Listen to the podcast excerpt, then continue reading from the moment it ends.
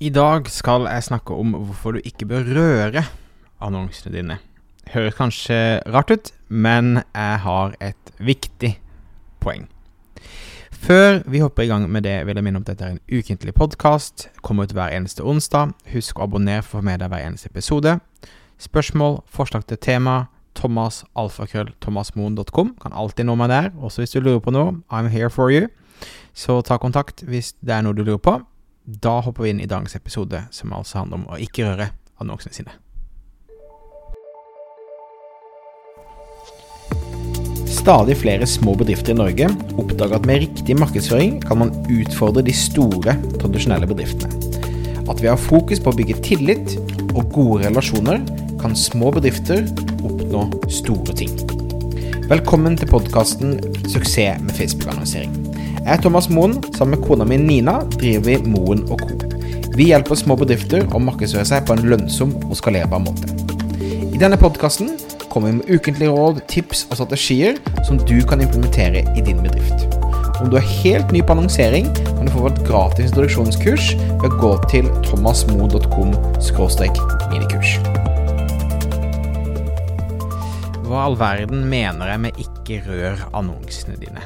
Hva, eh, Mitt poeng, og det som jeg tror er ekstremt viktig å huske på, er at når du har publisert en annonse, når du har brukt en eneste krone på en annonse, så bør du la den stå urørt. Du bør ikke endre tekst, ikke endre bilde, ikke endre noen ting, men heller duplisere eh, annonsen og eh, da lage en konkurrerende annonse som konkurrerer mot den originalannonsen din.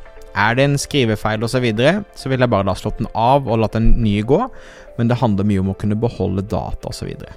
Men altså, jeg har full forståelse. Du er gira når du publiserer annonsene. Eh, kanskje ikke du har så mye tid, jeg skal bare slenge ut noe raskt osv. Så, så går du inn og så sjekker du og følger med, og så tenker du åh, jeg skulle ha denne setningen her litt annerledes. Eller åh, jeg skulle brukt dette bildet på en litt annen måte.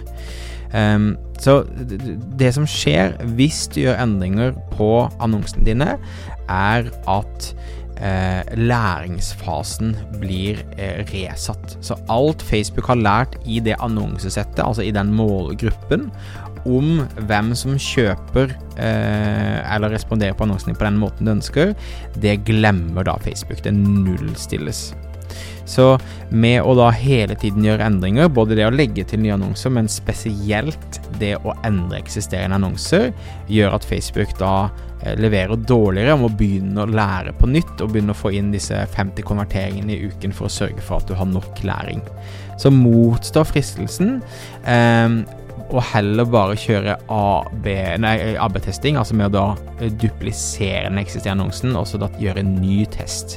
Og da kan du jo da se sant, om den ene fungerer bedre enn den andre.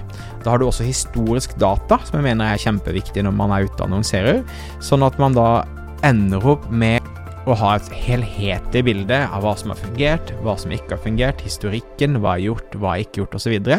så gjør det mye lettere for deg å ha full kontroll, full oversikt, og også da kunne historisk gå tilbake og se hva var det egentlig som funket og ikke. Så kort og gærlig i dag, men viktig, ikke rør annonsene dine. der de er først publisert, la de være. Dupliser istedenfor. Så slipper du å resette læringsfasen til Facebook, og du vil ende opp med å ha bedre resultater enn du ville hatt hvis du hadde vært litt, eh, litt for klumsete, litt pølsefingre og inn og endret hele tiden.